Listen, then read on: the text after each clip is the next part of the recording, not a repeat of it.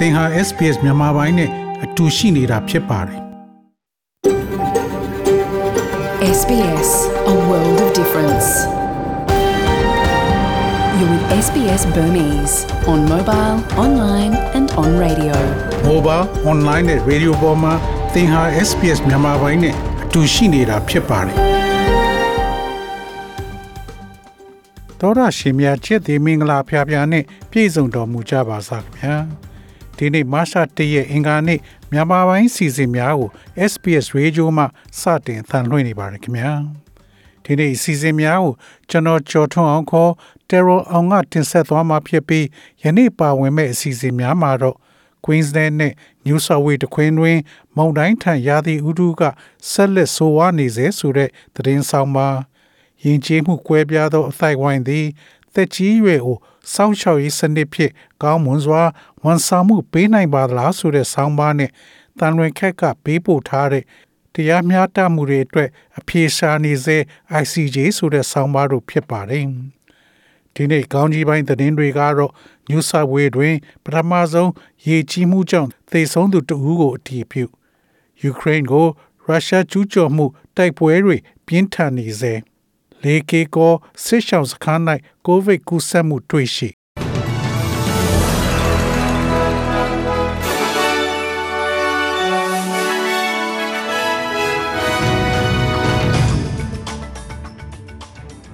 ယခုချိန်ကစပြီးသတင်းများကိုကျွန်တော်ကြော်ထုတ်အောင်ကစတင်ဖတ်ကြားပါတော့မယ်။ New South Wales တွင်ပထမဆုံးရေကြီးမှုကြောင့်သေဆုံးသူတဦးကိုအတည်ပြု။ New South Wales သည်ပြည်내ရဲ့အရှေ့မြောက်ဘက်တွင်၎င်းရဲ့ပထမဆုံးသော ရေလွှမ်းမိုးမှုနှင့်ဆက်ဆက်၍သေဆုံးကြောင်းအတည်ပြုသတင်းပို့ပါရယ်။အသက်80နှစ်ဟုယူဆရသည့်အမျိုးသမီးတဦးရဲ့ရုပ်လောင်းကို ရေမြုပ်နေသည့် Lismore နေအိမ်အတွင်း၌ရှာဖွေတွေ့ရှိခဲ့ကြောင်းသိရှိရပါတယ်။ထိုဒေသသည်သက်ရှိအမှတ်တရများတွင် အဆိုးဝါးဆုံးရေလွှမ်းမိုးမှုကိုကြုံတွေ့နေရပါတယ်။အရေးပေါ်ဝန်ဆောင်မှုများဝင်ကြီး Steph Cook ကပြည်내တောင်ပိုင်းရှိပြည်သူများအားဆိုးဝါးလာသောရာသီဥတုကိုရှောင်ရှားရန်တိုက်တွန်းထားပါတယ်။ဤဖြစ်ရသည်တောင်ဘက်သို့ရွှေ့လျားလာသည်နှင့်အမျှဆစ်ဒနီနှင့်တောင်ဘက်ကမ်းရိုးတန်းရှိလူများသည် အချိန်မကြာခင်မှာရာသီဥတုတောင်ကိုခံရမှာဖြစ်ပါတယ်။ပြည်내မြောက်ပိုင်းမှာပြီးခဲ့တဲ့ရက်အနည်းငယ်အတွင်းပြန့်နှံ့နေတာကို တွေ့ခဲ့ရပါတယ်။ပြင်ဆင်ထားဖို့အချိန်တန်ပါပြီ။ New South Wales ရှိကောင်ဆယ်နေမြေ18ခုအတွက်အမျိုးသားသဘာဝဘေးအန္တရာယ်ကိုကြေညာထားပါတယ်။ယူကရိန်းကိုရုရှားကျူးကျော်မှုတိုက်ပွဲတွေပြင်းထန်နေစေ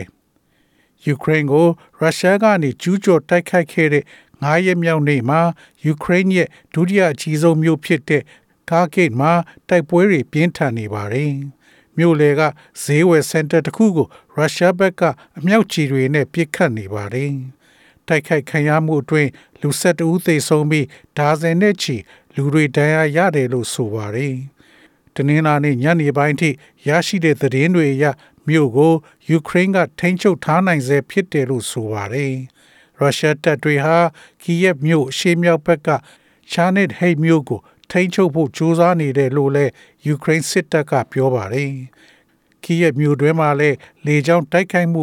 အချက်ပေးအိုဩသံတွေကြားနေရတယ်လို့အဲ့ဒီမှာရှိတဲ့ BBC သတင်းတောက်ကပြောပါတယ်။ယူကရိန်းအရေးနဲ့ပတ်သက်တဲ့အရေးပေါ်စည်းဝေးကို ကုလသမဂ္ဂအထွေထွေညီလာခံမှာကျင်းပနေပြီးယူကရိန်းမှာချက်ချင်းအပြစ်ခတ်ရပ်စဲကြဖို့အဖွဲ့ဝင်နိုင်ငံတွေက တောင်းဆိုနေကြပါတယ်။ ရုရှားဘက်ကနေနျူကလ িয়ার တပ်တွေကိုတတ်လှတ်ထားတယ်ဆိုတာကကြောက်မဲ့ဖွယ်ကောင်းပြီးကမ္ဘာကြီးမှာစိုးဝါးတဲ့အကျိုးဆက်ကြီးတွေဖြစ်လာနိုင်တယ်လို့အတွေးမှုချုပ်အန်တိုနီယိုဂူတာရက်စ်ကပြောဆိုပါတယ်။ကုလဆိုင်ရာယူကရိန်းသားမကလည်းရုရှားဟာစစ်ရာဇဝဲမှုကျူးလွန်နေပြီးဥပမာအနေနဲ့ဆိုရင်မူလာရန်ကျောင်းတွေပေါ်လက်နက်ကြီးနဲ့ပြစ်ခတ်တာကစစ်ရာဇဝဲမှုဖြစ်တယ်လို့ပြောဆိုပါတယ်။ လေကေကိုစစ်ရှောက်စခန်းကိုဗစ်ကူးစက်ကရင်ပြည်နယ်မြဝတီခရိုင်လေကေကိုစစ်ဘေးရှောင်တွေနေရာမှာ Omicron ကိုဗစ်ရောဂါကူးစက်တဲ့လူနာ30ကျော်တွေ့ရပြီးတဲ့နောက်လူနာတွေနဲ့ယောဂလက္ခဏာပြနေတဲ့တန်တရားရှိလူနာတွေကိုတိကျခွဲထားဖို့ပြင်ဆင်ဆောင်ရွက်နေကြသလိုနနေရာထိုင်ခင်းစေဝါအခက်ခဲတွေရှိနေကြောင်း KHRG ကရင်လူအခွင့်အရေးအဖွဲ့ကပြောဆိုပါတယ်။ February လ18ရက်နေ့ကနေ February လ25ရက်နေ့အထိ၄ကေကိုသူကြီးစစ်ရှောင်းစခန်းမှာကိုဗစ်လက္ခဏာရှိတဲ့သူတွေကိုကျန်းမာရေးဝန်ထမ်းတွေကနှာခေါင်းတိုးဖတ်ဆေးစစ်ချက်လှုပ်ဆောင်ခဲ့ရမှာစစ်ဘေးရှောင်684ဦးမှာပိုးတွေ့လူနာ35ဦးရှိပါတယ်။စစ်ဘေးရှောင်ဒုက္ခသည်တွေအနေနဲ့ရာသီဥတုတန်ကြောင့်ဖျားနာတာတွေလည်းရှိပြီးကိုဗစ်ရောဂါကူးစက်မှုတွေလည်းရှိကြောင်း KHRG ကရင်လူအခွင့်အရေးဖွဲ့ပြိုးရေးဆိုခွင့်ရှိသူစောနန္ဒဆူက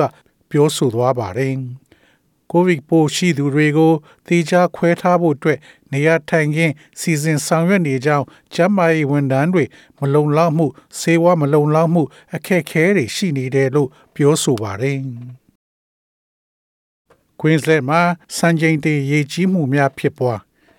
Queensland ရှေ့တောင်ပိုင်းဒေသတချို့တွင်စံချိန်တင်မိုးရွာသွန်းမှုကြောင့်လူအသေးအပြောက်များသည့်ရေလွှမ်းမိုးမှုများသည့်အမြင့်ဆုံးဖြစ်နေဆဲဖြစ်ပါတယ်။ရက်ပေါင်းများစွာ ရေကြီးရေရှာမှုများမှရာနဲ့ချီသောကယ်ဆယ်မှုများကြောင့်လူရှိဦးသေဆုံးခဲ့ပြီးအခြားနှစ်ဦးပျောက်ဆုံးနေဆဲဖြစ်ကြောင်းအတည်ပြုပြောဆိုပါတယ်။ပြည်내ဝန်ကြီးချုပ်အန်ဒတာဆီယာပလက်ဆက်က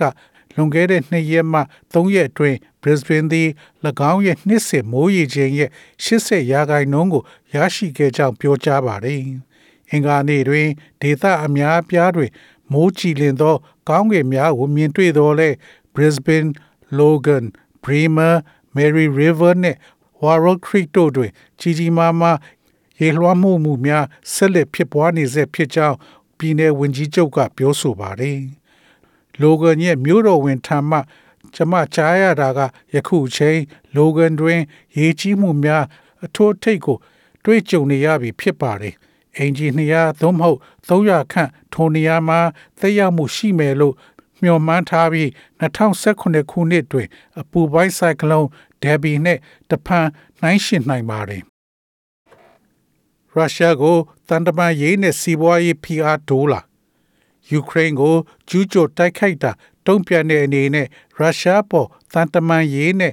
စီးပွားရေးပိတ်ဆို့အရေးယူတာတွေတိုးများလာနေသလိုကုလသမဂ္ဂအထွေထွေညီလာခံကိုလည်းယမန်နေ့ကကျင်းပခဲ့ပါတယ်။ American သမ္မတဂျိုးဘိုင်ဒန်ကလည်းရုရှားကိုတုံ့ပြန်ရမှာတညီတညွတ်တည်းရှိဖို့မဟာမိတ်တချို့နဲ့တနင်္လာနေ့ကဖုန်းနဲ့ဆွေးနွေးခဲ့တယ်လို့အိမ်ဖြူတော်ကပြောဆိုပါတယ်။ ကျူကျော်ပြီး9ရက်မြောက်နေ့မှာရုရှားငွေတန်ဖိုးထိုးကျသွားပြီးရုရှားရဲ့ထိုးစစ်ကနှေးသွားခဲ့တယ်လို့ယူကရိန်းစစ်တပ်ကပြောဆိုပါတယ်။ရုရှားတပ်တွေကကီယက်မြို့နဲ့ကီလိုမီတာ30ကျော်မှာပဲရှိနေစေဖြစ်တယ်လို့ဗြိတိန်ကာဝေးရေးဝန်ကြီးဌာနက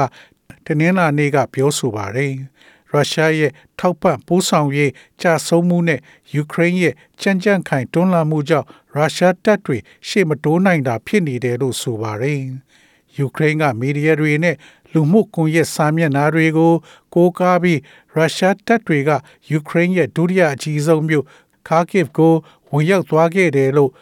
AP သတင်းဌာနကပြောဆိုပါတယ်။ဒါပေမဲ့ဘယ်မြို့ကိုရုရှားစစ်တပ်ကထိချုပ်နိုင်တာကို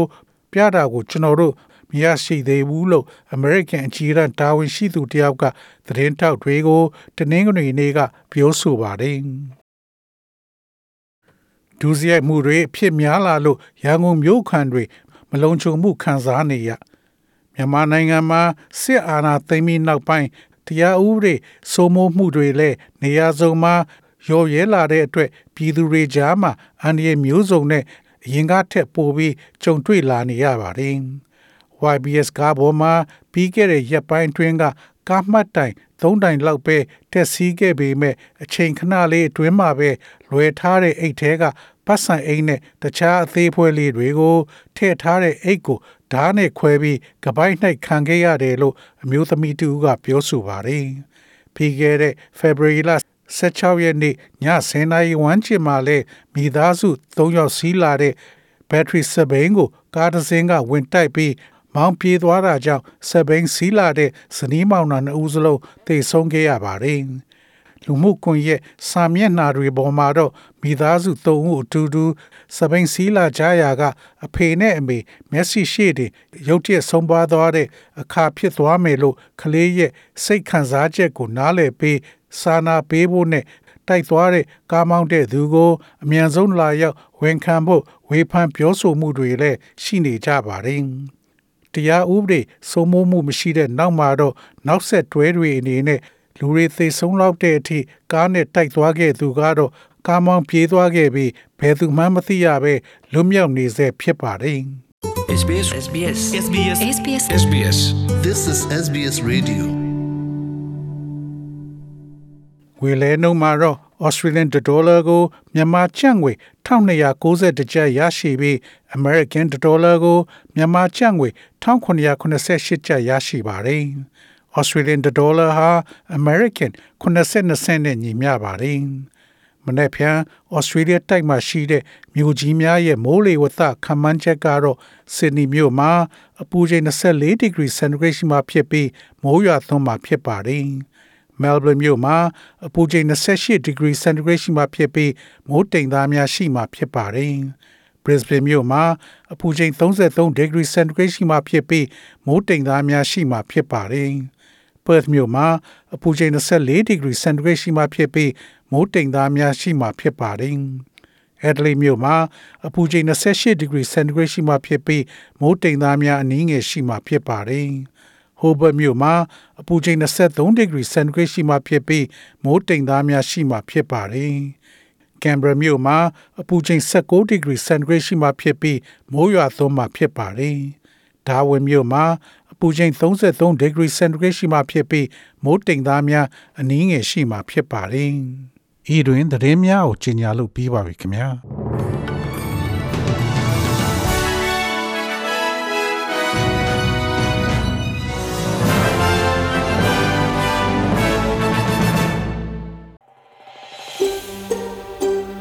ဒါမျိုးသတင်းဆောင်မာတွေကိုပိုနားဆင်လိုပါလား Apple Podcast Google Podcast Spotify တို့မှာသင်ပင်ရာဖြစ်ဖြစ်ရယူတဲ့ podcast ကနေပါ